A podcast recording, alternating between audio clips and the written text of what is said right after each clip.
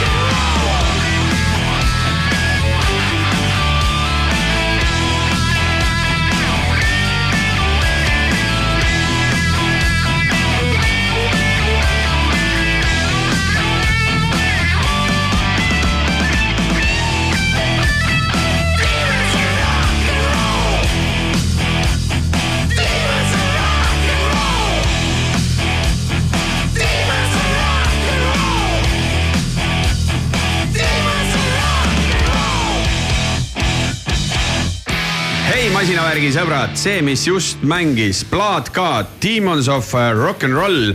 Ja meie oleme jõudnud kolmandasse augusti järjekordsesse neljapäeva ja Tanel ja Raiko on siin sinuga ja meile tuleb ka mõned külalised. kohe-kohe varsti peaks meil uksest sisse astuma meie saate ajaloo kõige noorem külaline, kelleks on äh, Albert Tamm, ilmselt Eesti kõige suurem äh, motospordi lootus üldse. tulevikus kindlasti, vaatame, mis ta ütleb ja mis ta, mis ta ise arvab, millega üldse tegeleb. karti sõidab, aga mida täpsemalt, seda teeme selgeks. just, siis tuleb meil tõeline raudmees otse vahustest voogudest ehk siis Marek Lindmaa, kes siis sõitis Yukon tuhat nimelise mingi ultra ekstreem, ma ei teagi, kuidas seda nimetada, võistluse läbi.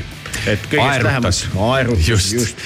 ja siis mees, kellel ei ole Rock FM-i asja jah, aga ometigi eh, see meid ei takista ja kutsusime suure autoentusiasti ja muidu toreda inimese Uku Suviste rääkima sellest, et eh, miks ta ei tee rock n rolli ja miks tal ei ole autot, mida ta sooviks. et sellest kõigest ta tuleb ja räägib meile, et noh, ootame põnevusega, et mis sealt tulla võib. aga veel räägime CF Moto motoratastest ja mis ka nädalavahetusel ees on ootamas ja tulemas ja kuulame head äh, rokkmuusikat ning siia otsa lähebki. Black Rain. ja vihmasele suvele kohane, kohase nimega bänd Black Rain ja Undamned. masinavärk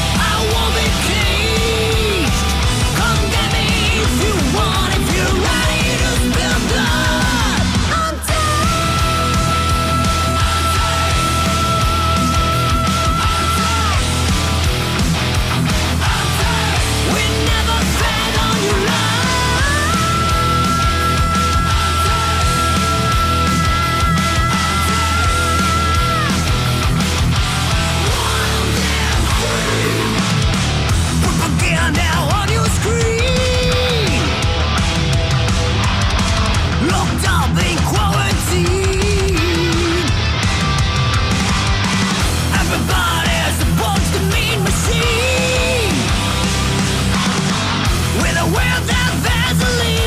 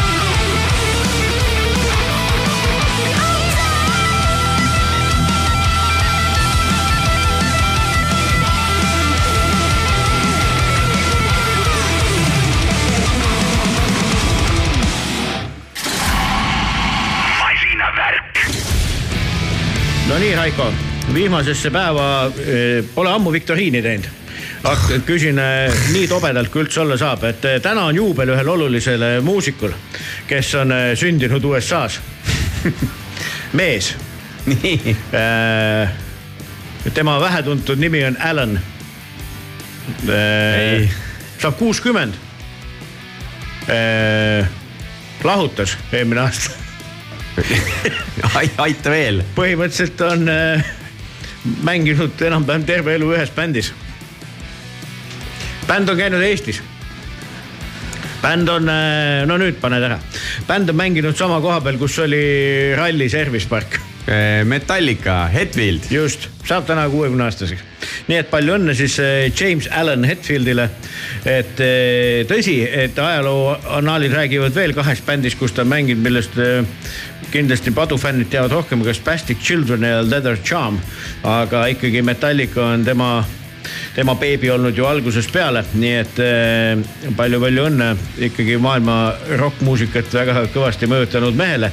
Ja panime siia mängima muideks väidetavalt eh, esimese loo, mille Metallica salvestas. tõsi küll, see ei ole nagu see. ma küsin selle Alani kohta, kas ta muidu on James Hetfield nagu bassi järgi, aga ta on siis mingi Alan James või James Allan? James, Allan. James Allan Hetfield, okei okay.. ta ei ole seal veiderdanud jah, et nii nagu nimi on, lihtsalt on ühe vahelt ära jätnud, on ju, et.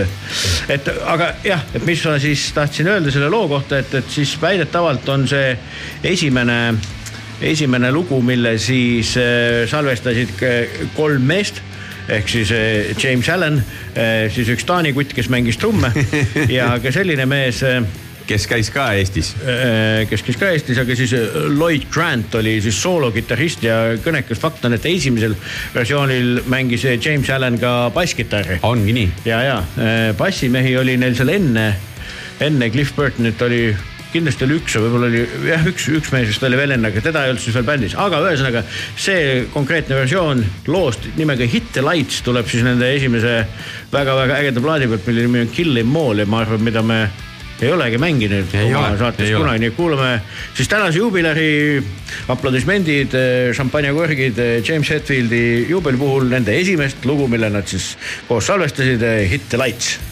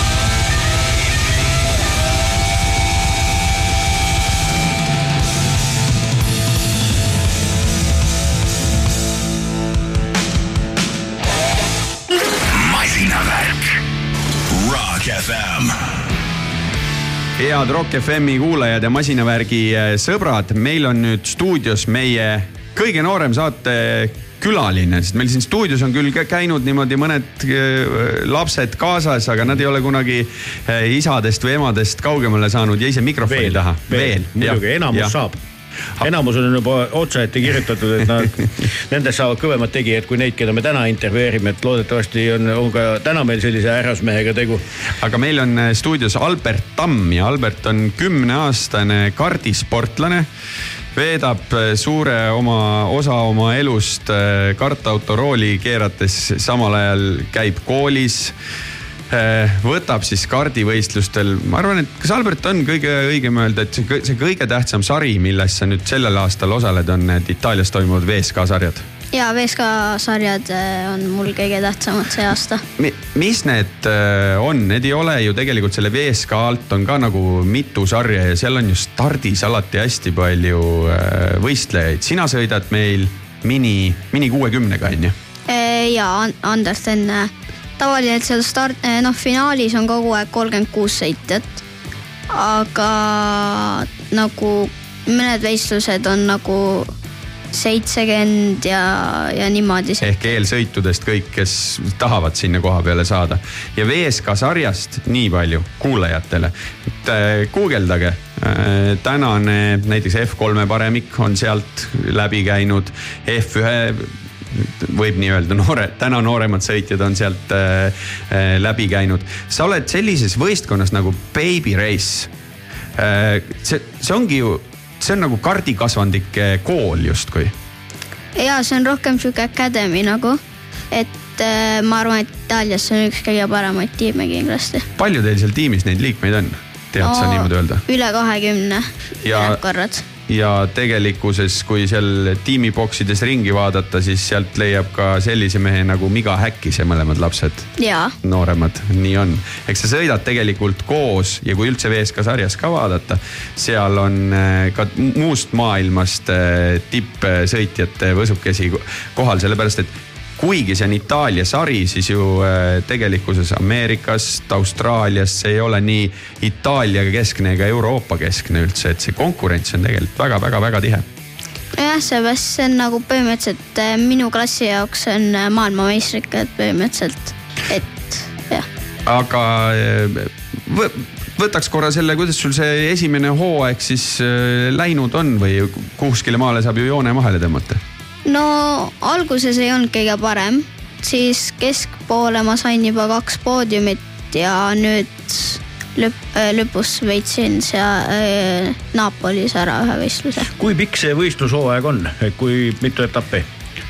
no äh, meil see aasta on augustini mm. -hmm. Ma ei oska päris öelda, mitu etappi on, seepärast üks aasta on noh, vähem või rohkem vaata mm. -hmm ja siis oled enamuse seal Itaalias, saan ma õigesti aru? enamus aega olen Itaalias jah mm. -hmm aga samal ajal käid, osaled Eesti meistrivõistlustel, Talendid rajale sarjas Eestis, nüüd käisid just Soome meistrivõistlustel, mis oli selles mõttes veidi teistmoodi, et selliste sõitudega sa ei ole harjunud, sest VSK sõidud on kui pikad? finaal on kümme ringi. ja, ja Eestis on ajaliselt äh, piiratud, on ju see finaalid?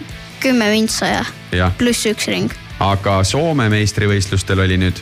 kakskümmend kolm ringi. ehk et rohkem kui kaks korda rohkem oli see võistlusdistants, millega sa kokku puutusid. sa ei ole trennis ka ju niimoodi järjest ei sõida tegelikult. ei ole. see oli sul, aga kas, kas see oli nagu füüsiliselt raske või hakkasid seal mängima üldse muud tegurid, et noh, näiteks ma ei tea, rehvide kulumine sellise sõidu peal? ei no minis need rehvid ei kulu, aga rohkem äh, füüsiliselt äh, see on seal raske. aga suht, võib ju öelda, et soomlastele tegelikult sai peaaegu et tuul alla tehtud, et teine ja kolmas koht võetud. nojah, seal oleks võinud paremini teha, aga noh, jah. vaata, enesekriitiline, saad teise koha mingi hunniku soomlaste vastu, oleks võinud paremini aga teha. mis siis puudu jäi, kuidas sa ise hindad seda, et, et mida paremini teha saab? no me oleks võinud kindlasti natukene mootoriga midagi teha, aga okei okay oli. Aga kogemus missugune, järgmine kord juba tead? järgmine kord on noh, et pean rohkem vastu pidama need kakskümmend kolm ringi ja selle vastupidamise tarvis sa lisaks sellele kardile, mis trenne sa veel teed? boksi ja tennist. kõvad põhmaalad ju pigem on. kuidas sa selle ära oled nagu jaotanud, et, et, et kui on nagu treeningud, võistlused, millal sa boksi ja tennist jõuad teha? No tavaliselt on, kui mul on VSK nädalavahetused, siis me lähme kolmapäeval raja juurde juba. et ma käin, esmaspäeval käin tennises ei oota, esmaspäeval käin boksis ja teisipäeval käin tennises. ja esmaspäeval ja teisipäeval käid sa veel ka koolis? koolis ka. ja siis muud kooliasjad peavad kuidagi saama veel seal raja ääres selles motorhome'is tehtud. jaa. väga tubli. no vot. kus koolis sa käid? Äh, Šveitsi koolis mm, -hmm. seal on nagu ita itaalia keeles on mm -hmm. muidu õpime. aga mõtled itaalia või eesti keeles? mõlemates ma tegelikult tahtsingi öelda, et seal Soome meistrikatel peale sõitu intervjuudes siis äh, Albert andis mõned intervjuud, ma vaatasin neid äh, Youtube'ist järele ja siis pärast Soome mehed arutlesid, kümneaastane räägib nii hästi inglise keelt, mitut keelt sa räägid? Itaalia, Eesti, inglise äh, no natukene prantsuse keelt ja ma saan natukene vene keelest ka aru. no vot ja siis Soome tuleb tšau bella jah, just ja lisaks siis tegelikult mul tuli meelde, et Šveitsi meistrivõistlustel sa osaled samamoodi, kuna jah, sul nagu põhiline elamine on ikkagi Šveitsis. Šveitsis jah. ja Šveitsi meistrivõistlustel nüüd tuleks järgmisest etapist kindlasti osa võtta, sest et seal on võimalik ju hooaja kokkuvõit võttes Šveitsi meistriks täitsa tulla. jaa no kuule, super luks.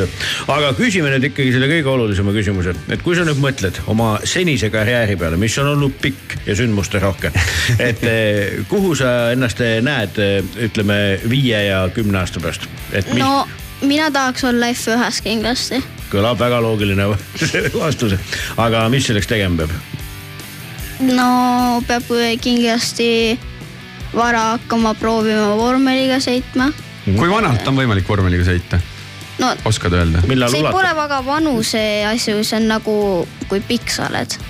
ja see esimene aste oleks F4 on ju? esimene aasta oleks F4. ja F4 sarjasid on ju ka üle Euroopa erinevaid, kus nii-öelda on jah võimalik on alustada. on Itaalia, noh põhimõtteliselt iga. igas suuremas iga, võidu, võidusõiduga tegelevas, ennast lugupidavas võidusõiduga tegelevas riigis. aga sul on nagu see ka, et, et vaata, et ikkagi noored, ma olen tähele pannud, on sellised arvutihuvilised nagu ka natuke, et need simulaatorid on sul nagu, et, et, et ei, ma ei mängi, ma teen tööd või, või kuidas see on kui, kui sa või, võidusõidumänge mängid, siis kas saad niimoodi öelda või? Ei no ma simulaatoriga sõidan natukene rohkem nagu lõbu jaoks lihtsalt mm -hmm. niimoodi kodus mm. -hmm. aga samas vormelit pigem harjutad juba simulaatori peale? sest ega kas kardisõidu simulaatorid on ka olemas, aga vormeli oma on kuidagi parem või? parem on vormeli oma äh, sa, sa saad selle sõidu feeling'u, ma just mõtlen, et tegelikult, kui sa vormeli oma harjutad, üks asi, mis kardis teistmoodi on, vormelis sa pead äh, peeglitesse vaatama. peeglitesse vaatama. kas sa peeglisse vaatamist saad simulaatoris harjutada? saab pidurduse tundmine ja kõik need asjad simulaatoris. ja tegelikult tuleviku mõistes ka ju radade õppimine, sest vormelitega. radade õppimine, õppime ja mm. -hmm. kardirajad on ikkagi väiksed, vormelirajad on juba siuksed eh, suuremad, mida saab eh, väga hästi, mitte et kardiradasid ei saaks, aga vormelirajade, radadeks nii-öelda ettevalmistus läbi simulaatori on väga tehtav. mul on veel üks väga oluline küsimus, kui sina oma kogemustele toetudes ütled, et millal on õige aeg alustada, millal sa ise pihta hakkasid? mina alustasin kuueaastaselt. kas on vara või hilja? lootusetult hilja või? Tanel sul on hilja. mul on muidugi hilja. no mõned, mõned inimesed al alustasid nelja-aastaselt, mõned mm -hmm. viie, mõned kuue, mõned kümneaastaselt mm, -hmm. et noh, ei ole nagu hilja ega vara selles mõttes. väga hea vastus. muideks, mina tundsin, et ma olen elus midagi õigesti teinud, kui ma oma poja, kes kardiringil pähe sain. et noh, kõik need, mis me oleme siin mõelnud ja harjutanud ja sõitnud, kõik on kandnud vilja, nii et ma olin väga happy jõudu ja jaksu ja nagu Raiko enne eetriväliselt ütles, et järgmine kord teeme sinuga tunnise saate, kui sa F1-s oled. okei okay,, näeme enne kindlasti ka et, et tore, aga igal juhul ole, ole tubli ja jõudu ja jaksu. aitäh.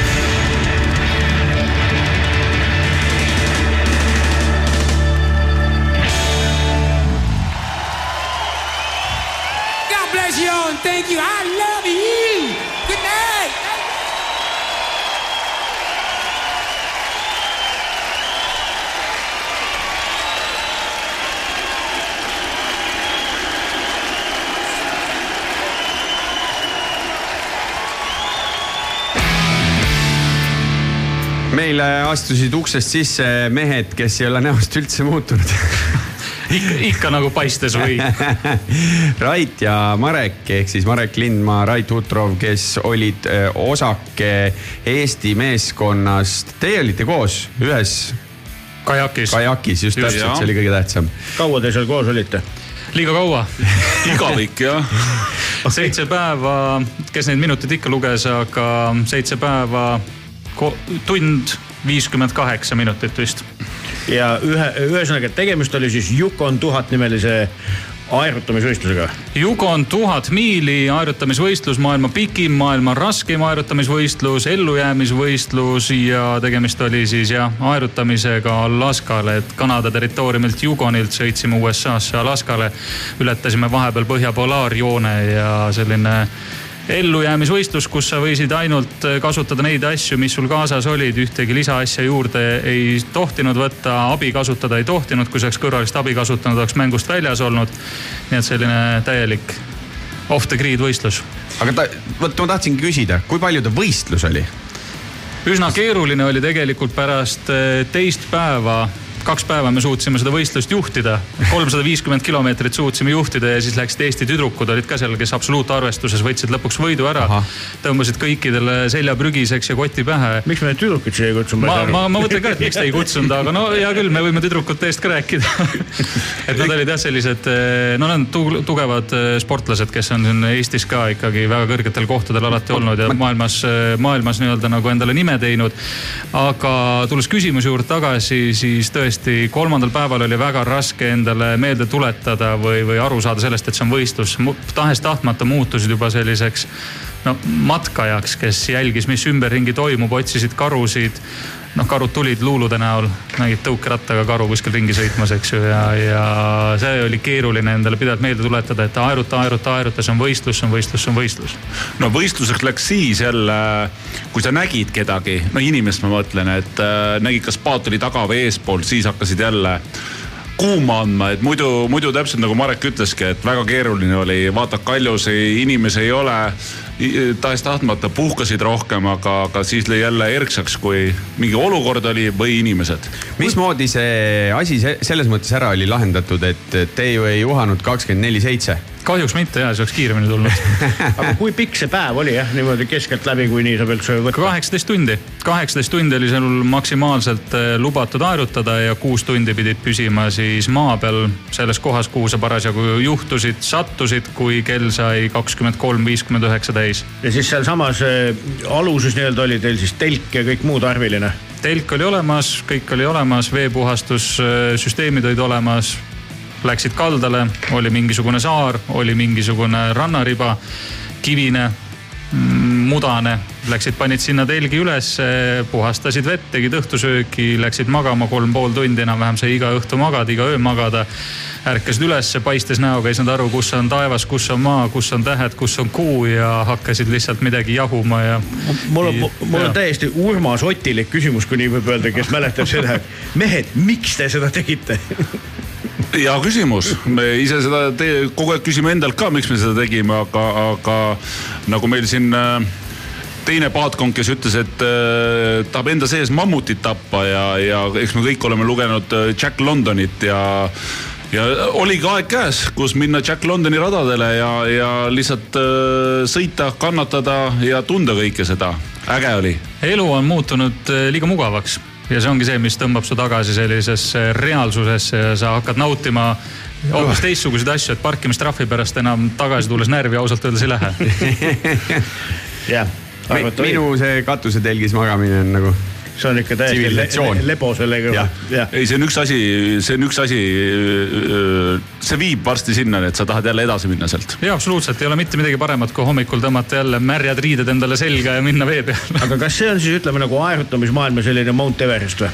jah, seda nimetatakse küll tegelikult Mount Everestiks, vähemalt need korraldajad ise on toonud välja sellise slogani, et see sõidetakse, eks ju, Whitehorse'ist, Yukoni pealinnast peaaegu Fairbanksi välja ja siis vahepeal on üks Kanada linn Dawson.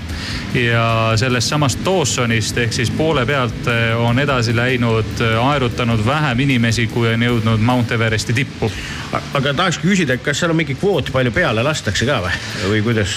üritab korraldaja igal aastal hoida seda seal kuskil kolmekümne, maksimum kolmekümne aluse juures ja noh, see valik tehakse korraldajate poolt ka sadade tuhandete avalduste hulgas, kes tahavad sinna pääseda ja sellel aastal õnnestus siis kolmel Eesti paadil saada, et midagi eestlased ikkagi aerutamise mõistes suudavad teha ja oskavad teha, et meid sinna peale lasti. me tuleme kohe jutuga tagasi, aga ma küsin, et eh, ma palusin valida ühe loo ja siis Marek kirjutas hästi kiiresti tegelikult. Volbeat, Let's stay under the sun, mis see, seal on mingi lugu kindlasti. Volbeatiga on jah, see on Taani bänd, eks ju. Taani bänd jah sellega on ka meil omaette, omaette lood ja seiklused, aga ühesõnaga ei no Volbeat oli meil, äh, ütleme nii, et kui me igat mingi süsti äh, kiirendust või mingit asja hakkasime tegema ja päeva alustasime, siis me panime Volbeati peale ja seal oli sihuke mõnus power, et äh, kui me olime nagu augus reaalselt ja siis äh, Marek ütles, nii Rait, nüüd paneme Volbidi peale ja oli uus hingamine ja me suutsime siis jälle tunde sõita Volbidi saatel. ja muidugi viimane päev oli ka see last day, et äh.... no sellega oli tegelikult see seis, et me mõtlesime, et on viimane päev, meil oli viimasel päeval, kuuendal päeval äh, sõita vaja seal selline kakssada nelikümmend, kakssada viiskümmend kilomeetrit, see oli täiesti tehtav. eelmistel päevadel olime selle distantsi ära katnud ja lootsimegi, et saame kuue päevaga õhtusse ja siis pool päeva oli okei okay., tuli see last day under the sun samamoodi ja, ja mõtlesime, oh, see ongi õige hetk, õige asi, hoiame peal, lähme ja viimase poole päeva pealt järsku vesi läks meeletult laiaks, vool kadus ära ja me saime aru, et meil jääb kolm-neli tundi puudu sellest, et me õigel ajal jõuaksime finišisse. Jugoni jõgi arvas, et hei, hei, hei, te võite ju plaane teha, aga mina ütlen teile, kaua te siin olete, eks ju, ja pidime üheks ööks veel telki minema, kui kõik oli pakitud juba täpselt niimoodi, et noh, lips oli valmis seotud ja saaks otse peole minna, eks ju, kui kaldale jõuad, aga ei. kuulame Volbeati, siis jätkame selle pöörase seiklusega. Volbeat. Last Day Under the Sun.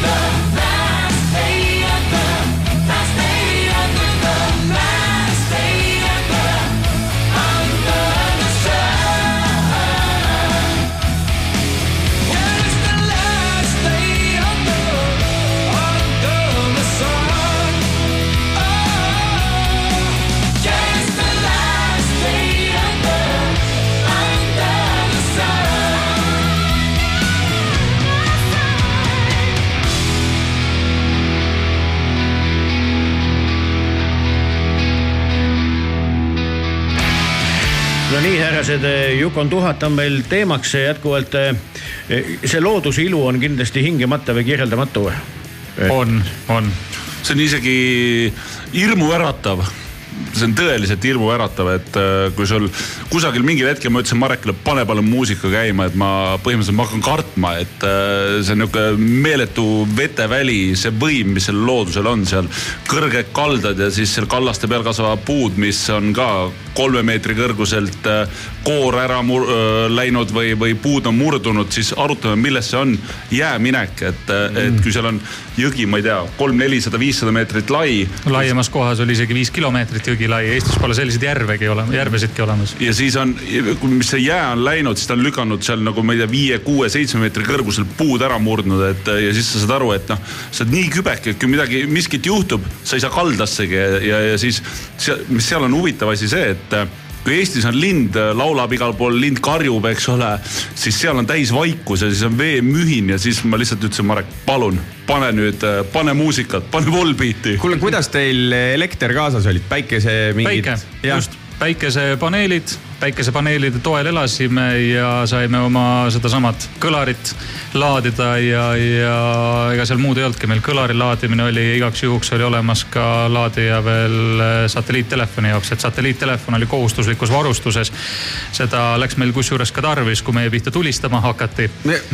noh, selline väike, väike vahejuhtum tead no USA-s ikkagi ju. no ikka jah, jõudsime Aga... USA-sse ja siis hakkasid järsku mingid lasud kõlama, et algus tegelikult sellest, et Rait järsku paadist ees ütles mulle, et oo vaata seal kalda peal tsivilisatsioon, üks valge auto liigub. ütlesin, on jah, järsku jäi auto seisma, hakkasid lasud kõlama ja siis Rait oli selline eheda lapseliku rõõmus, saluut, saluut, saluut, eks ju. ja aru ta ei saanud, et tegelikult tulistatakse meie pihta ja mina jah tõesti mõtlesin, et nägin autot kogu selle tuhande kuuesaja kilomeetrise trassi peale on mingi, ma ei tea, viis, kuus, seitse asulat, eks ole. ja kui sa näed autot, siis on ikka päris suur asi. Ja järsku auto peatus, kuulid hakkasid lendama, mina mõtlesin, et nad tapavad mingi põtra, et ta- terve talvele süüa saaks. aga, aga küsin Mareko käest, kuule, miks, miks ei liigu? kuule, meid tulistatakse ja siis vaatad tõesti, kuulid lendavad vette ja, ja, ja üle pea ja siis äh, juba nihuke õnnetunne tärkas, et lähevad minema, ei käisid, laadisid relva ja tuli uus valang peale, et.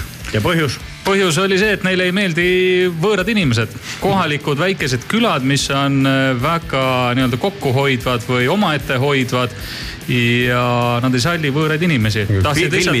tahtsid lihtsalt äh, hoiatada meid ilmselt. aga me pidime selles samas asulas, kusjuures nad tulistasid ka maha minema, sellepärast me pidime USA piirivalvega, piirivalvega ühendust võtma, see oli üks telefoniputka, mille juurde sa pidid minema toru tõstma ja rääkima tervist, et ma olen see ja see. et äh, kirjutage meid riiki sisse Ah.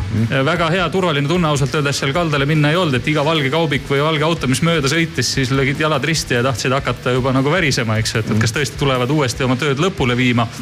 Aga satelliittelefoniga võtsin kõne korraldajale, ütlesin, et näed, selline asi meiega juhtus, meie jätkame võistlust, me ei jäta seda pooleli, et äh, äkki saate midagi ette võtta, hoiatada teisi võistlejaid, kes tagantpoolt tulevad, et et selline see olukord meil oli, korraldaja kusjuures võistluse lõpus saime teada, et äh, lendas ka ametivõimudega samasse külla sisse.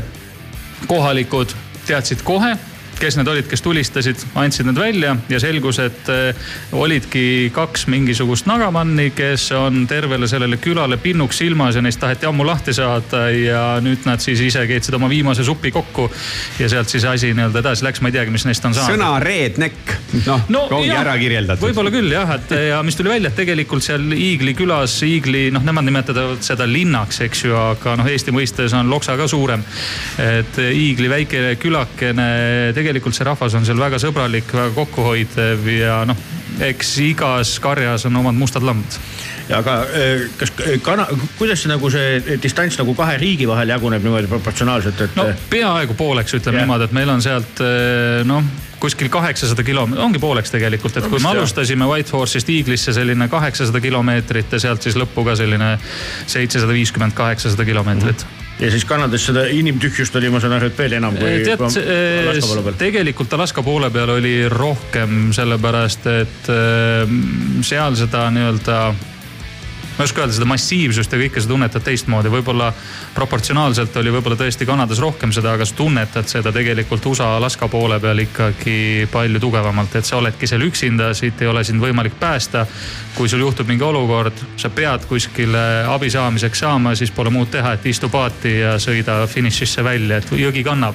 ja noh, korraldad üldse enne võistlust ka sellise asja, et, et kui sul noh, kaaslane ära sureb, et siis pole enam kuskile kiiret, et seoda paadi peale kinni ja aeruta siis lõpuni koos temaga. julgust, julgustavad sõna- sõnad. me siin Marekuga leppisime selle kokku, et kui keegi surema peab, siis mina, et kuna ma ise inglise keelt ei oska, et äh, siis on vaja abi kutsuda, et see läheb väga keeruliseks, et siis kui noh, peab ikka järjekorda tegema, et siis mina ja siis Marek lohistab mu ikkagi ümber paadi, seob ümber paadi ja viib ära. ja kui niisugused asjad enne selged on, kui teele minnakse. ja järjekord on kõige olulisem. ma küsiks seda, et äh, mis siis nagu, kas ei ole natuke selline tunne, et noh, nüüd on see tehtud, ei olegi nagu enam midagi, millised järgmised, Marek, kui sa oled siuksed seiklused endale ette võtnud, siis ju no Võhandule ju enam tagasi ei lähe, ikka lähen, ikka lähen, ikka lähen. Türi-tori ja. Võhand on alati olnud selline väga tore emotsionaalselt palju pakkuv asi, eelmine aasta me tegime Võhandut äh, kõigepealt päev enne võistlust vastuvoolu ja siis tulime järgmisel päeval, magasime neli tundi, tulime koos teiste tuhandete võistlejatega alla päri no,, pärivoolu tagasi. ma olen ühe korra võhandut teinud niimoodi, et äh, tõstsin kajaki korraks koduhoovi, ei olnud ennem selles sees istunud, istusin korra sisse ah, võib minna ja sõbraga kahekesi läksime, kas kuusteist tundi või? noh, me sõitsime vastuvoolu seitseteist tundi raidiga no, eelmine aasta. aga ei, neid hullusi on tegelikult plaanis veel. esimene, mis mul endal mõttes tiku, tiksub, mille ma tahaksin tegelikult ära teha, on just Võhanduga seotud. et. terve jõe läbi sõita? ei, mitte see on igav Võhandu seitsesada, kas on võimalik Eestis Võhandu maratoni sõita seitsesada kilomeetrit? nüüd on see välja öeldud. paus jäi. nüüd jäi paus, eks ju, nüüd on, nüüd on see välja öeldud ja nüüd mul pole tagasiteed enam, eks ju, et, et eks täpsemalt saab juba natukese aja pärast rääkida, mismoodi ja kuidas, aga selline mõte on. no nii, kuulge, aga noh, see on ikka tegelikult nagu lahe, et hulle mõtteid jätkub. et kui need otsa saavad, siis on ju pahasti nojah, ma siin praegu hirmuga kuulen, mida Marek välja käis, et ma loodan, et mul kallim kodus ei kuule seda, aga noh. ta on me..., kusjuures ta on paadunud Rock FM-i. on, ma ise kardan ka seda, ma ise kardan ka. nii et noh, Maris igal juhul kodus näeme. okei, suur-suur tänu tulemast ja au ja kiitus selliste pööraste ettevõtmiste eest, et oleme siia lõppu valinud sellise pala, mis kannab pealkirja Sweet Mountain River ja esitajaks Monster Truck, et peaks ilusti raamima meie seda toredat vestlust ja veel kord suur tänu tulemast. aitäh kutsumast. ja aitäh.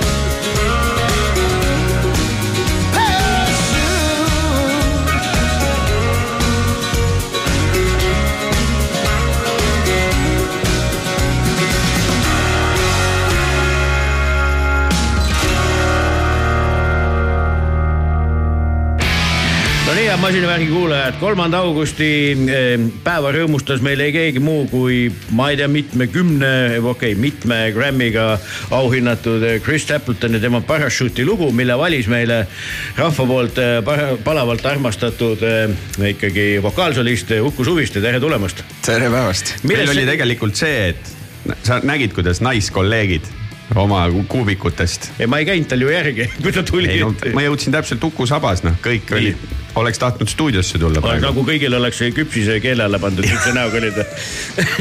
no okei, no eks Ära punasta, ära punasta. reaktsioone tuleb äh, erinevaid, ma tulin lifti äh, teie kolleegiga siin ja, ja, ja ma siis, mis sa siin teed või? ei, ta ütles, ta teeb mulle tasuta sõidu ülesse siia, siia. lahked Ja- mehed siis Kai majas. ma küsin, ma ütlesin, et ma lähen Rock FM-i, siis jäi natuke pausi, siis ahah, mis sa seal teed? tekibki küsimus, mis sa siin teed, onju, meie peame ju vastama sellele, me, meie ju sind siia kutsusime kõiki, mitte ainult naiskolleegide suureks rõõmuks onju. aga põhjus lihtne, et alustasid kantrilooga, et, et, et sa ju sõidad ju autoga omajagu palju, sest sa ikkagi ju pead minema inimesi rõõmustama oma, oma eh, voolava vokaali ja, ja sulni-klaverimänguga, et eh, kas sa kuulad eh, kantrit ka, kui sa sõidad või? jah, kuulan ikka.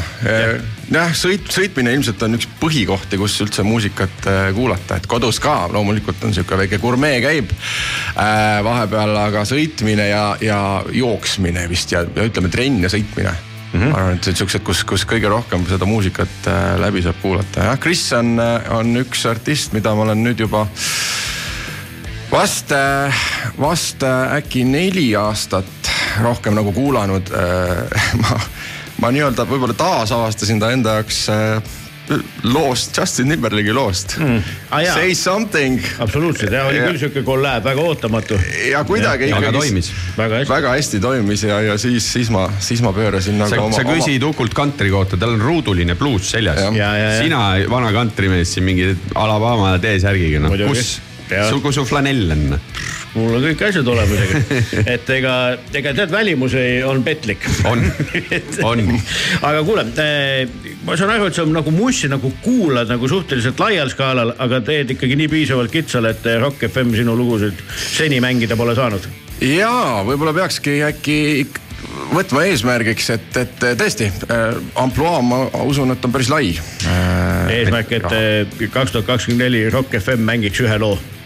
Meil on ju tegelikult olnud öö, oma saatega ennemgi seda, et esim-, esimest korda mängitakse või siis, Jaa. et öö, tulebki mõne sellise looga, et muidu ei olekski kuidagi saanud ega sattunud. kuule, aga tagasi tulles tegelikult ikkagi selle, selle kulgemise juurde, et, et möödunud nädalal pidid jälle kilomeetreid mõõtma, et käia ära sulle väga meelepärases linnas Jurmalas taaskord on ju, no mis ei ole nüüd mingi maailma kõige pikem ots, aga ometigi kohale peab kuidagi jõudma, et, et mis sinu neljarattalised lemmikud praegu on või mi- mille, millega kulged? Need kilomeetrid me sõitsime maha Volvoga mm, -hmm. ma olin just selle saanud tegelikult, ma aastakese tagasi, kohe saabki aasta, müüsin enda auto maha, sõitsin äh, viis aastat BMW-ga mm. -hmm. viienda seeria omaga väga hea masin, ilmselt kõige parem masin, mis mul olnud on kogu selle perioodi jooksul Äh, põhimõtteliselt muretu sõit, käis oma, käis oma hoolduses äh, korralises ja, ja hästi töö, truu äh, nii-öelda tööloom. ja nüüd tuleb see drama-, dramaatiline, et kõik oli hästi ilus on ju ja nüüd on Jah. Volvo, mis juhtus? kuidagi hakkas sedasi kerima küll. nagu, nagu filmilik, et kõik on ilus, kõik on lahe, sõidad ja siis tss, Volvo, noh. no vot, no müüsin selle auto maha, lihtsalt tahtsin natuke võib-olla värskendust, et äh, aga, aga ja mõtlesin, et ma seekord tavaliselt ütleme ka see BMW ja enne seda ma sõitsin, ma mäletan Volkswagen Passat CC-ga, et need mõlemad autod olid valitud niimoodi, et ma läksin, mul hea sõber tegeleb autodega, läksin tal platsi peale, vaatasin hoovis natuke ringi ja voh, see ja, ja läks ja kõik kuidagi sobis ma mõtlesin, et seekord ma võtan äh, nii-öelda aja, et ma ei, ma ei torma emotsionaalselt või, või, või kuidagi selle ostuga, et äh, las ma valin auto nüüd niimoodi, et ma tean, et kõik detailid, las ma kord valingi niimoodi, et kõik detailid on selle järgi, mis ma võib-olla ise tahaks nüüd. värv, sisevärv. ühesõnaga täitsa, täitsa, täitsa uue auto siis komplekteerisid, ei, aga otsisid turu pealt niimoodi. just, just, just, just, just, just, just. See on omaette kusjuures põnev asi, kui sa ei lähe päris uut autot ostma, aga sa oled oma peas nagu välja mõelnud, et noh, nagu mark ja mudel on veidi teada ja siis sa tahad seda sihukest mitte liiga ära peetud, aga et ma tahaks seda värvi, on ju, sinna võiks see sisu minna, see on selline päris huvitav nagu Lego Neid kokkuladumine. detaile on päris palju, kui niimoodi hakata mõelda. Heli, tahaks, tahaks heli täpselt, helisüsteem äh,, mootor äh,, mis, mis lisasid soovid, et, et äh, kuule, aga kärsitu inimesena nüüd ikkagi torman ajast ette panid kõik selle nagu mõttes kokku ja siis tuli Volvo. Volvo on tegelikult asendusauto. Et aega. ma olen, ma olen aasta aega asendusautodega ja mitte Volvoga, Volvoga alle. ma sõitsin äh, BMW-ga ja küll sõitsin Volkswagenitega et aasta aega oled mõelnud ja sõitnud asendusautodega. vaata ei ole mõelnud, väga aktiivselt tegutsenud ja ma, ja ma öö, kuskil ütleme neli-viis-kuus tagasi, kuud tagasi tegin endale, sellepärast et ma vaatan, et autoturul kuidagi, ma vaatasin Eesti turgu, Rootsi turgu, vaatasin Saksa turgu, kuidagi ei liigu need asjad, et ma ei, ma ei tea, kas see on ajastu asi või et, et praegu selline. aga mis see on, mida sa taga ajad? ütle välja. oota, las ma jõuan lõpuni okay, davai.. ühesõnaga, mis ma tegin, on, mul on tehtud valmis bookmark'id kõikidest search idest. jõuan markideni nüüd, seal on BMW äh, ja seal on Kiia Stinger. ei ole kaks väga lihtsat valikut. loomulikult ma hoian silma peal ka, mis mul on seal veel äh, mõnel Audil, mõnel Mercedesel äh, ja, ja äh, ühesõnaga, mul on bookmark'id valmis tehtud iga hommikul, kui ma ärkan. ma joon oma kohvi ära ja ma lähen vaatan kõik need bookmark'id läbi. väga ja süsteemselt. siiamaani sõidan asendusautoga. Kiia Stingeri kohta ütles, me käisime sellega äh, ringrajal, Evert Sund ja ka Sten Pentus õpetas meid sõitma. Sten tegi ise kiired äh, ringid Porsche ringil ära, ütles. kuule, see on nagu soodne Panamera, pidureid oleks tummisemaid vaja. noh, neid saab ju vahetada lõppude seal lõpuks. muidugi Brembo omad on, aga lihtsalt selle auto massi kohta on äh, Jah. natuke väiksed, no ta ei ole mõeldud ringrajale tegelikult aga Sten oli nagu väga positiivselt tuli maha. ohoh, Kiia sihuke. aa, okei, okei, ühesõnaga ei, aga tegelikult väga õige, mul on aastaid või isegi vist aastakümneid tagasi juba üks koolitaja, kes on ka muusik, Margus Alviste onju mm, -hmm. ütles, et, et tema soovitab, tema ise alati teeb nii onju, tahad, ei taha, aga pane kirja, mida sul vaja on. Võta lihtsalt paber ette, kirjuta peale no et saad ise ka aru, mida nagu muidu on ju natuke ikka pea laiali otsas, et mida näed, sellest unistad, onju, aga. et tee nagu hästi ratsionaalselt, onju, et näed, et mul on vaja näiteks noh, ma ei tea, sul on vaja panna klahvpill onju, noh kuidagi ta peab ju ära mahtuma, isegi kui ta on sedaan, siis võiks ju see iste alla käia, et sa lükkad, et ta ei ole sul kuidagi viltu või ei lõhu polstrit, okei okay,, näed, esimene nagu asi on ju, noh, mulle meeldib kiiresti sõita, meeldib kiiresti pidurdada onju, mida iganes, et mis kellelegi oluline on onju, mõtled küll, et noh, tundub nagu maailma kõige banaalsem mõte, aga tegelikult üliõige, et noh, et nagu kirjuta läbi et eh, noh, et saad nagu pildi selgeks ja see hakkab juba tegelikult üsnagi palju vastuseid andma ju. kuule, aga Just, just, räägi nüüd ikkagi sellest, et mis Volvoga sa seal Jurmalas siis ära käisid. see on Volvo Maastur, ma ei olnud Maasturiga sõitnud, ütleme kuskil võib-olla sihuke kümme aastat. XC90 siis, suur jah, jah, suur. kas äh, sellel oli, vot mul ei tule nüüd meelde, kes see helitehnika tootja on, kes Volvosse seda high-end'i teeb. ja Bang Olufsen. just mm, -hmm. õige ja mina ütlen seda, et kui on Volvo Bang Olufseniga, siis ma ei ole kuulnud äh, ja sealt veel saad valida mingisuguse äh, Stockholmi ooperikontserdisaali, ma ei tea, mis seaded mm. -hmm. Ja see on eelseadistatud nii uskumatult hästi et maanteemüra, mis muidu on hästi suur, siis seda pole kuulda. oskuslikud, tegelikult tuleb nüüd öelda Hiina insenerid, vaata, sest enam ei ole ju Rootsi omad selle taga. aga äh, lihtsalt see on ühe parima helisüsteemiga auto. kuule, kuulan vahepeal ühe loo, mille Uku on kaasa võtnud, päris huvitav. väga huvitav valik, mina vaatasin seda House bändi of. Game, see Evil in Needle, mille, millest selline bändi valik ja noh, loo valik on ka päris intrigeeriv muidugi. Äh, sellepärast, et äh, noh, ma arvan, et Erik Meremaa võib-olla ennekõike. mul on alati, alati väga-väga meeldinud tema, tema vokaal, ma kuulsin teda esimest korda võib-olla niimoodi teadlikult, mäletan, pakun, et see oli aasta kaks tuhat neli, kolm või midagi sihukest oli, oli kunagi ma olin ühes muusikalis mm, -hmm. mida, mida äh, kolmikprodutsendid äh, kunagi tootsid, kui need palju toodeti ja, ja selle lõpupidu ja siis ma mäletan uhke show Linnahallis oli veel seal tol korral ja Eerik Meremaa eesotsas kogu selles show's, ma ei mäleta isegi, mis lugu see oli, aga, aga see oli, see oli üks hetk, kus mul jäi päris karp lahti. Ja no, sellest laulu, hetkest, laulumees on ta kahtlemata kõva, minu, minu jaoks võib-olla on viga minus, aga kuidagi pildist täiesti kadunud. jaa, ma, ma olen Ma tea, äh, aastaid tagasi, ma arvan, et võib-olla nägin teda viimati äkki praegu juba kaks tuhat üheksa aastat mm. -hmm. mingil projektil, et ta mingeid projekte mingi aeg tegi. aga, ja, ja, ja pärast seda ma olen teda kuskile ku- kutsunud endale salvestusele mõnda, mõnda mingit partiid laulma, aga, aga ta pigem jah, on, on võib-olla ise hoidnud äh, ennast natuke sellest äh, suurest pildist eemal ei kontrollinud, aga parandage mind, kui ma eksin, saatke ikka neid sõnumeid, et saatejuht ajab mingit jama, nagu meil on ennegi juhtunud, aga kui ma ei eksi, siis selle konkreetse salvestuse peal, mis peaks pärinema viieteist aasta tagusest ajast, mängib nüüd just ju oma väärikut juubelit pidanud Kalle Vilpu mm. -hmm. et siinkohal palju õnne ka Kallele. tegemist on minu meelest geniaalse kitarristiga ja, ja, ja siin me saame seda kuulda ka ja, ja siinkohal ka tervitused äh, Rene Meristele, kes selle plaadi omal ajal välja andis ja selle bändiga kurja vaeva nägi, et, et, et ta ka kuhugi jõuaks, nii et, et jällegi panen praegu peast, siin peaks mängima Andrus Lillepea, Kalle Vilpu, Enno Kelp ja Jevgeni Papkin. kas oli Kelp? Ma mäletan, Kelp rääkis äh, kunagi, jah, ühesõnaga. sellised ikkagi väga korüfeed olid, olid siin koos ja kuulame siis House of Games'i sellist superrocki Eesti Vabariigist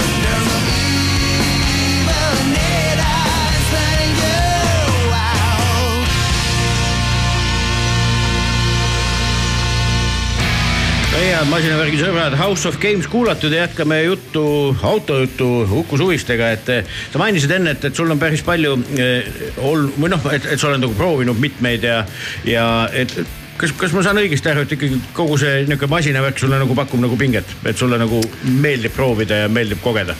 kahtlemata täitsa meeldib kogeda. ma ei tea, kas sa pead silmas nüüd just seda auto otsimist, aga ka see. ei no lihtsalt, et noh, kui on võimalus, siis proovid ja mõtled ja. Jaa, vägagi, aga kaherattaliselt pole sulle pinget pakkunud. võtsid minu küsimuse ära? ei võtnud, minu küsimus. meil on samad küsimused väga tihti. see kunagi ka ikkagi ütleme natuke enne teismeiga oli mul ikkagi suur unistus, siis äh, ma mäletan maal ma, ma olin kõva traktorist. Et aga ma unustasin, ma just mõtlesin, et, et, et tahaks nii hullult tahaks endale nagu mootorratast saada, ma mäletan, et ma ajasin mingisuguse raha kokku ja ostsin endale ühe Delta mis läks Deltast paari on peaaegu päeva pärast lihtsalt katki. et meeldib, väga meeldib, mul on äh, võib-olla ratastega alati on nagu see, et ma natuke ei usalda ennast, mul on äh, hasart natuke liiga suur. ja, ja, ja ma arvan, ma kardan, et see risk, mis ma võtan, on lihtsalt liiga suur, muidu väga-väga meeldib no aga selleks on ju variante hakata ju kuskilt pihta ja siis vaadata, et, et kes seda riski juhib, et kas sina või, või, või olukord on ju. sul ju, mis, tädipoeg, Rene Puura alles ju. Rene tegi ka load, oleks pidanud punti võtma temaga. tegi ja, ja ta juba, ega sellest on vist kümme aastat möödas juba ja, ja, ja ma mäletan, aa, ta oli see mees jälle, kellel ei ole ratast või? Tal praegu mingi, vist. mingisugune oli ju alguses ka mäletan, aga no sellest me saame temaga rääkida, aga, aga kuule, ikkagi unistusi tuleb ju järgida.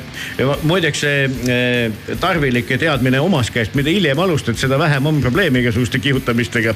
mis äh,, ütleme nüüd jälle välja, mis oli Taneli vanus? kolmkümmend viis. no näed, et eh, kolmekümne viie aastaselt tegid load omale. No siis ei häbene seda mitte kuskilt otsast ja julgustan teisigi ja noh, kas nüüd just minu pärast, aga, aga ma tean inimesi küll, kellel ei ole, ei ole noh, ühesõnaga, kes on leidnud endast selle jõu, et no ikkagi on meeldinud ja teed ära ja ongi lahe noh, tegelikult noh, mis vahet seal on. võib-olla tõesti, no arvestades seda, siis mina sõidan ilmselt veel aeglasemalt kui sina. see pole üldse tähtis, absoluutselt, see pole üldse oluline, selle pe- peale üks kuldset sõna, minu noorem poeg onju, kes käis Krossi trennis onju, et noh, lihtsalt läksime, oli sihuke nagu demopäev või said nagu ennast kurssi viia. siis pärast tüüp teatas emale kodus, et mulle see Krossi värk nagu ei meeldi, et ma tahan sõita nii nagu issi sõidab, nii et on mõnus. kuldsed sõnad, tegelikult ka, et eh, teed oma sõite ja alati on tõde on tegelikult enda valida. aga ma tahtsin autode kohta küsida, et kas sul on äh, mingisugune masin, millega sa oled äh, saanud proovida sõita ja mõelnud, et mi- mine pekki nagu maailma kõige ägedam proovisõit noh. Ähm, toon ühe näite, eks neid on erinevaid oleneb, mis maitsele võtad, vaata autosid võib erinevaid olla, ma äh,, ma käin äh, iga-aastaselt käisin LA-s äh,, siis ma võtan endale nüüd juba mõned viimased aastad, kui ma viimati seal käisin, võtsin endale, mulle väga meeldivad Ameerika V8 mootorid, siis ma sõitsin Challengeriga. Ja mäletan, et kui hommik algas, ilus päike paistab, lähed teed oma hommikukohvi ja ma läksin autosse, enne kui ma panin muusika mängima, ma lihtsalt lasin, ütleme paarkümmend minutit sellel autol lihtsalt töötada. see on nende mootorite võlu, see on see asi, mida räägitakse, et tahetakse vaata autotööstusest vägisi välja tirida, on ju, et see mõnus, vahet pole, alates mi, mi, mis iganes veemootor see on, V kuus, kaheksa, kümme, kaksteist. Need on nii, see on nii eriline sound ja see tõesti paitab kõrvu. USA V kaheksa seda, on seda me pole veel oma saates käsitlenud, onju, aga tegelikult, mida sa saad ju tänapäeval osta, on see kitt onju, kus sul pannakse kõlarid välja ja, ja siis no see nad juba on olemas. on ühel sõbral sihuke asi ka kui autol. mul ka, et kõige lahedam sound, okei okay,, saab V8 panna, veel igasuguseid nagu lahedate mootorite sound'e ja saab panna ka tuuma allveele ja see on jumala lõpus kui kuskil foori taga mingi sihuke hääl. oota, kas ma saan õieti aru, see on sound, mis läheb nüüd välja Välja, välja, välja, jah. või, või, või sisse nagu no? mõlemale, noh, ta läheb aga kõlarid on pandud ka põhja alla, nii et ta selles mõttes nagu noh, genereerib seda sound'i ka nagu õue. ja, ja jälgib siis äh, ütleme, kui sul on bensiinimootor, siis ta jälgib ka nagu mootori Ja, pöördeid ja, ja,, ja. et sul on mingi tavaline rida neli, sina gaasitad, sealt ei tuleks midagi, aga siis need kõlarid tekitavad, et sa saad ja erinevaid valikuid ja telefoni äpis saad see siis konkreetne seadistada. auto oli vist kolmeliitrine diisel või no mingi siukene väga ökonoomne, mingi siukene, no mis teeb siukest õmblusmasin häält põhimõtteliselt onju, auto on ise ilus ja suur, aga, aga sound'i nagu ei ole, siis paned nupust, noh, täna sõidan siis selle V8-ga. okei, okei, sest jah, okei. see sisse vot. selle lisa pead ka omale panema, kui auto ostad, et. sa saad panna niimoodi, et sinu enda laul saadab sind sina end-, sa salvestad enda ei no mul vokaali. endal jah, see oleks hoopis see värk. ja inimesed hakkavad ostma neid. pöörde pealt on viis oktaavi kõrgem see on hoopis äh, äriplaan, Uku. See- sa hakkad salvestama neid ja autofännidele müüma oma vokaali. teed erinevaid autode hääli. arvad, et seal on suur turg või?? oleks, oleks ei no siin on vähemalt mitu kuubikut kohe, neil, neil ei oleks autot, nad paneks lihtsalt selle jah, isegi jalgrattale jah, Uku, Uku laul on ju kiiresti. JBL-i see aku, aku, akuga kõlar on aga ees. kas siis nagu pööretega nagu, nagu tõuseb nagu siis see helikõrgus või loo kiirus? No see on otsustada. sõnade Jah. tihedus. jah, läheb räpiks.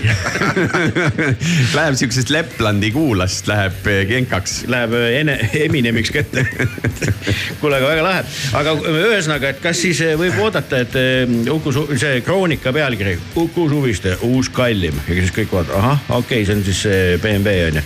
et kas, kui kaua veel aega läheb, kui see, kui see valik langeb? Ei ole ka ajakirjanduses õnneks kajastanud äh, No. minu neid suksusid ja, ja, ja tuleb tunnistada, et täitsa naudin seda. ega need ajakirjanikud seda saadet ka õnneks ei kuule, see on liiga normaalne asi, et, et et ega siit inspiratsiooni ei saa, nii et incognito edasi põristada kuskil. nii et ühesõnaga. no ütleme, suvi on äh, olnud tegelikult päris ilus, aga, aga seda on äh, nüüd äh, noh, sihuke kuukene veel jäänud. noh, praegu just sajab õues. et, et ma tahaks siiski selle suvel nüüd oma, oma, oma selle valiku ära teha ja masina kätte saada.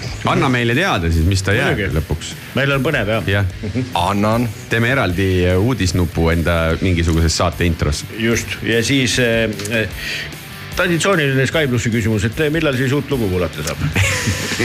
siis kui oled just uue looga tulnud tavaliselt küsinud no teeme siis traditsioonilisele vastuse, et äh, üsna pea, et praegu kirjutan.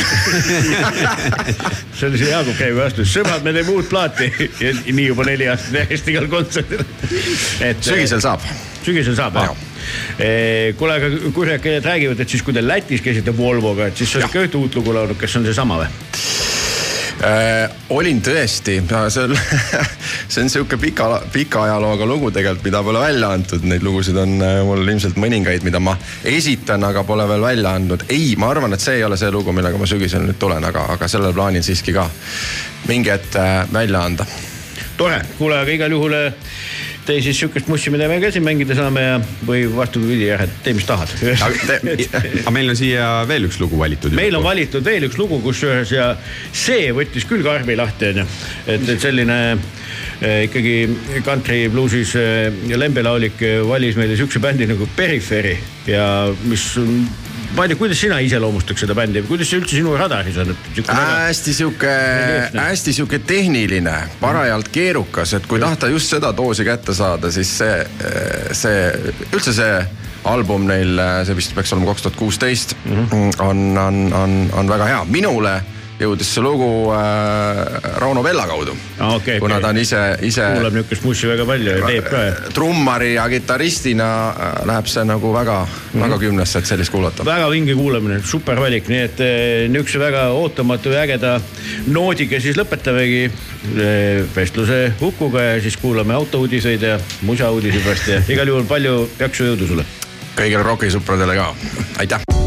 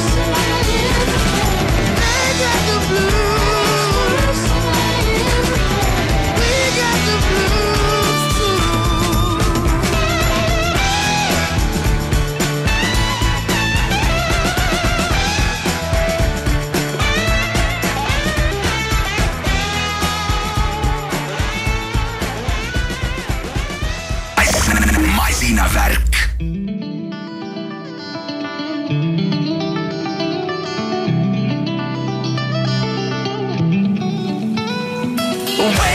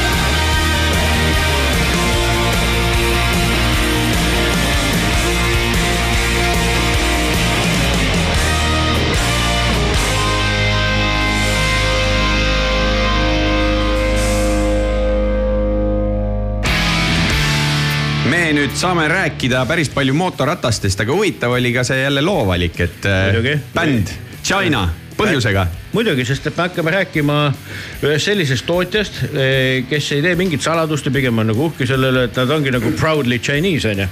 kõige paremas mõttes ja, ja siis eh, CF Moto on meil teemaks. mis kasvas välja oma, oma mootorrataste rivi kasvatas välja eelkõige ATV-dest, UTV-dest, SSV-dest, mis iganes äh, niisugused kahekohalised liikurid kõik olemas on. ja mootorrataste teema on neile endale ka väga värske ja suruvad päris korralikult ja sellel põhjusel käisime meie Tartus Lange motokeskuses, kus me saime siis põhimõtteliselt kogu seda mudelivalikut proovida seal kardirajal ja ümber äh, lähistel teedel. just, et selle nädala esmaspäeval siis seadsime eh, Mercedes eh, EQV, EQV elektriline, sellest me saame rääkida Eraldi. augustis eraldi, sellepärast et ma teen sellega Leetu pika sõidu. just, mina sain ka siis esimest korda seda elektrilist bussi kogeda, aga jah, räägime sellest eraldi.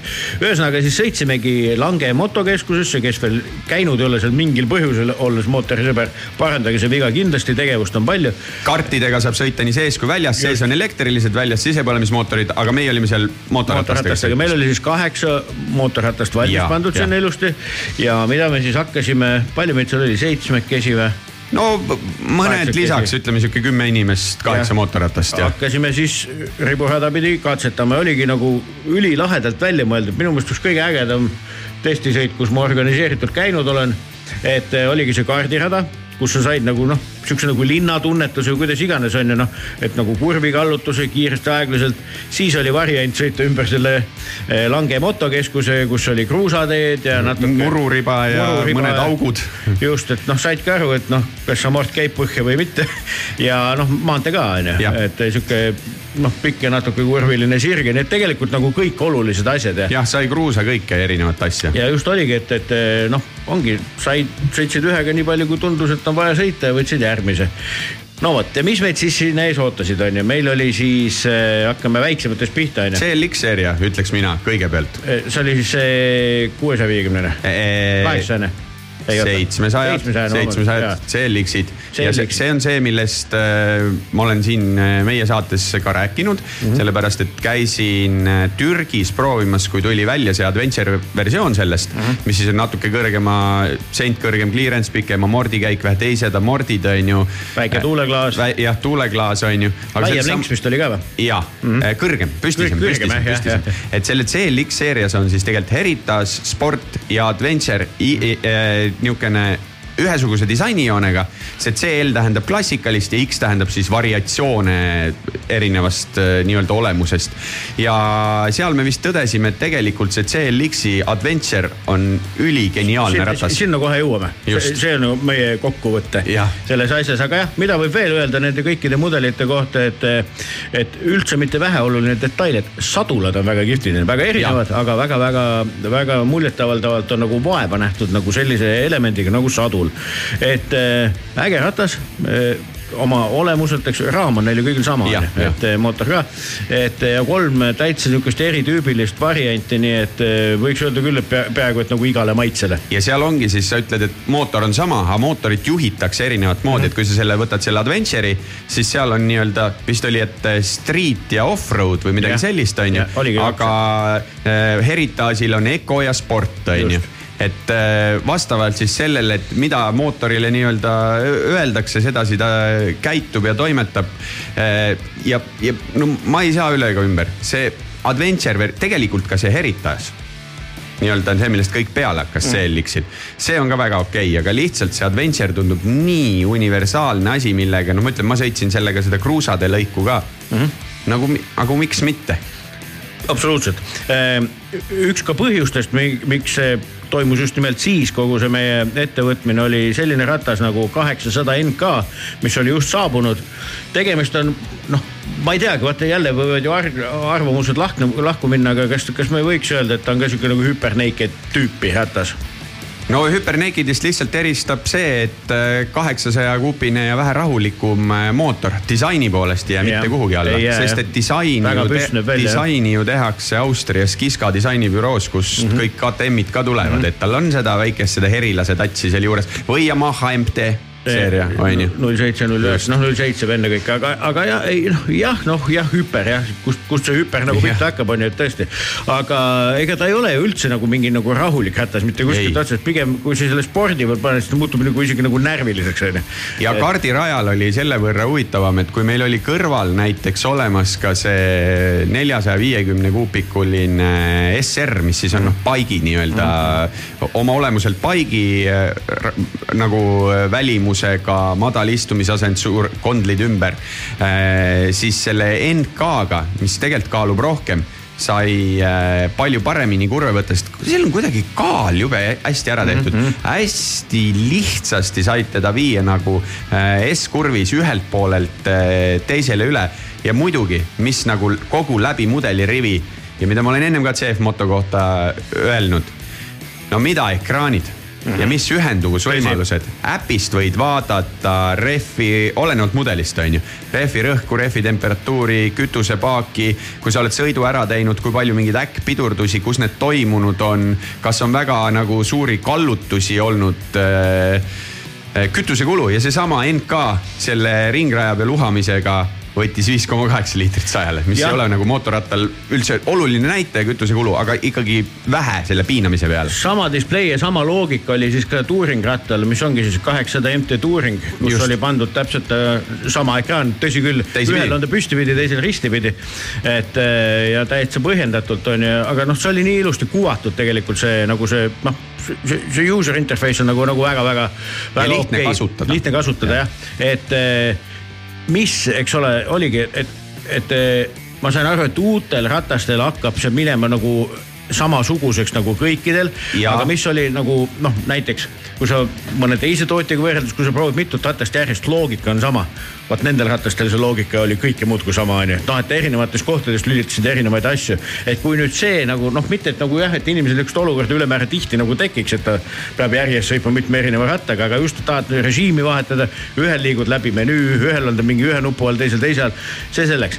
ühesõnaga, kui see nüüd saab nagu korda nende tõesti nagu ägedate displeidega, et mõnigi nimekas tootja, millega on võib-olla endal nagu natuke rohkem kokkupuuteid on, on ikka valgusaste kaugusel sellest kõigest. sest et mis oli, kui sa teed, sul on nagu kaks võimalust sinna navi kuvamiseks. sa võid teha, on ju endal äh, Apple CarPlay, aga samas sa võid teha wifi hotspot'i, ühendada siis oma äh, ratta tsikli display telefoniga internetti ja seal on juba kaardirakendus ka sees. Ja, ja ja, suur- ja, ja ekraan jagatakse ilusti pooleks, sulle jäetakse neid kiiruseid ja asju, kui sa tahad, sa saad seda ka natukene sättida. mis see tollimõõt oli sellel ekraanil? pagan, mingi kaksteist koma või? ta oli jah sihuke põhimõtteliselt nagu iPad on sul. jah, jah, ja vaata sellel Entka seerial, mis siis nii-öelda Naked Bike, sellel olid need lisa niuksed eh, tulukesed, et kui sa lasid pöördeid piirajasse siis ekraanide servast eh, punased ja lenksu peal punane LED siis vilgutas sulle, et nüüd on aeg käiku vahetada. see oli üks asi, aga teine asi, kus ta hakkas sulle vilgutama, oli see, kui sa tegid ikka mingi eriti hardcore pidurduse, siis tal oli ka ohukad peale, no mis on jah, paljudel teistel ratastel juba ka, aga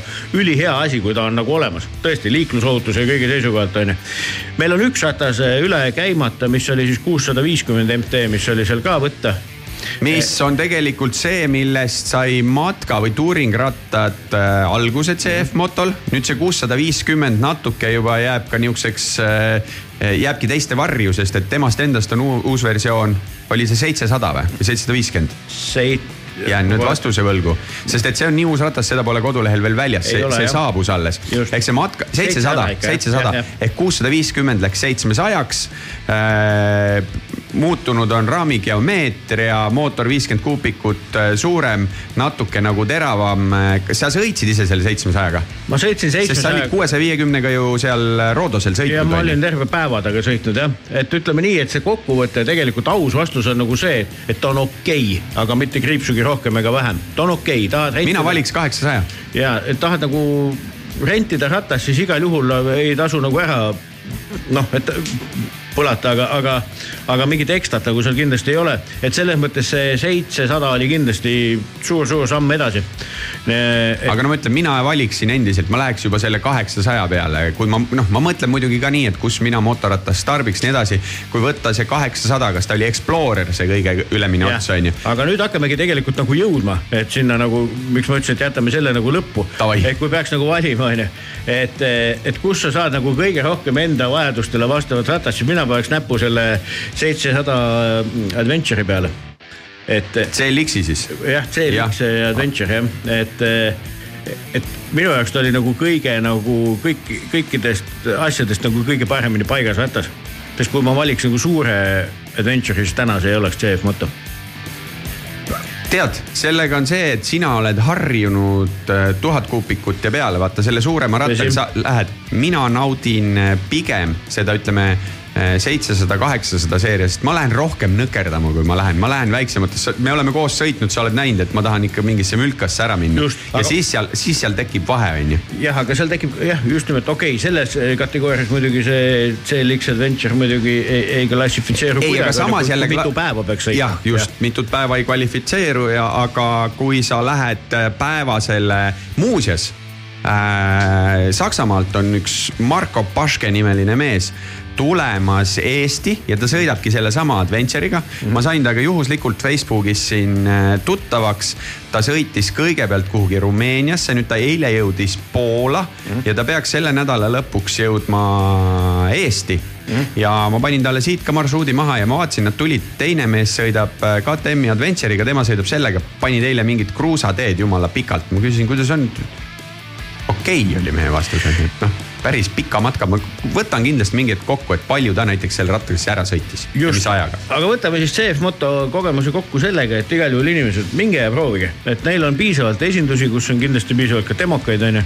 et eh, pange käsi külge, ma usun, et eh, ta on väga hea ratas alustamiseks, sa saad omale tutika garantiilise ratta. kolmeaastase garantiiga. väga mõistliku summaga ja, ja ma arvan, et ka selline noh, eks igaüks ise vaatab, mis tal nagu jõukohane on, aga kui liisingusse võtta ka, et siis ei tohiks eelarvet nagu väga. rohkem kui pool elu mootorrattaga sõitnud Hans Priidel küll Krossi, siis ta ütles ju selle nelisada viiskümmend SR-i kohta hästi, et kes tahaks nagu ringrada alustada kuskilt õppimist mm. -hmm võta see ratas, ta teeb sul kõik ära, sa saad põlveni maha kallutada ja siis, kui sa kasvad sellest kubatuurist ja võimsusest välja, siis äh, võtadki midagi järgmist. just, aga kas sulle jäi meelde, kust tuleb eh, CF? muidugi, esimene kevadtuuleke, priis, mõnus. see on siis, ma hääldan muidugi perfektselt seda Zhejiang Chunfeng, mis on, Zhejiang on siis see, kus see tehas asub ja see regioon kokku. ja Chunfeng, parandage mandariini keele oskajad mind nüüd, on siis see eh, kevadine tuul. jah, priis. priis jah, nii et väga-väga ilus ja romantiline niisugune lähtekoht, mis muidugi CF moto on nagu väga tehnitsistlik, eks ole, sest järgi on jäänud, aga, aga see mõttekäik oli väga ilus ja see peegeldub ka nende logos ju tegelikult selline Tuulepuhang.. aga noh, selles mõttes geniaalne, et eh, mis see tsiklisõit muud on, kui see tuul tegelikult, mida sa ju enamus ajast naudid ja siis, kui ta tuleb eh, äkki ja külje pealt, siis mitte eriti. aga tuhande kuupiku meestele siis tuhat kakssada viiskümmend GT ratas on mingisugune hetk Eestisse jõudma, ootame seda. ja, ja selle si siia saigi, vot ongi parjas lõpetada sellega. New Messiah. New Messiah, see uus ratas on New Messiah ja suhteliselt uus lugu, natukene ilmavalgust näinud Fear Factory vanameistritelt ja siis tulebki sihuke nagu lugu nagu New Messiah. masinavärk.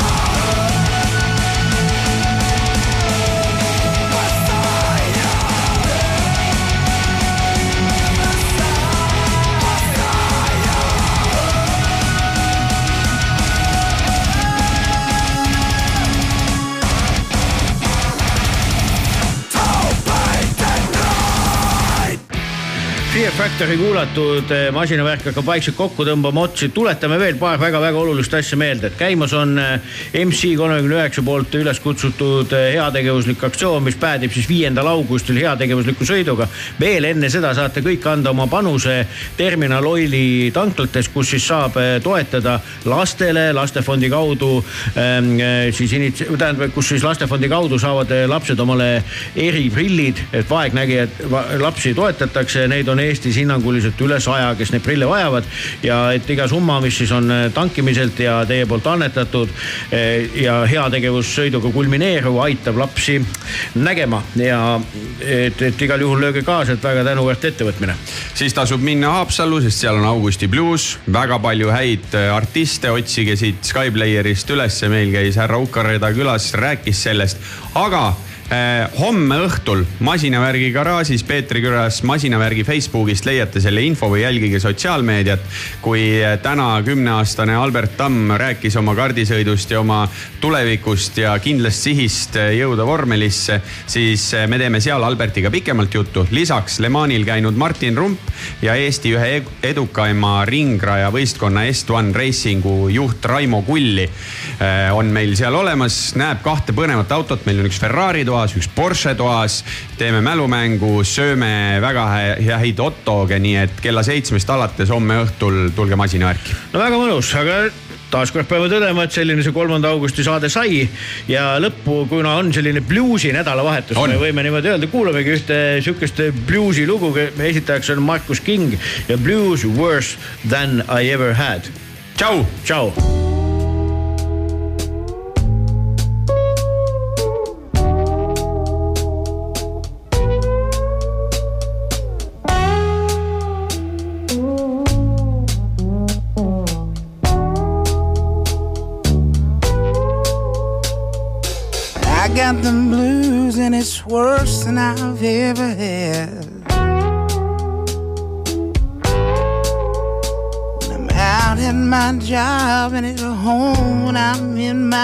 I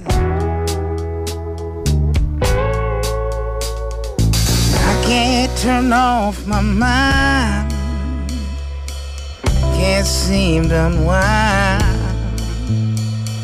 I've got the blues and it's worse than I've ever had.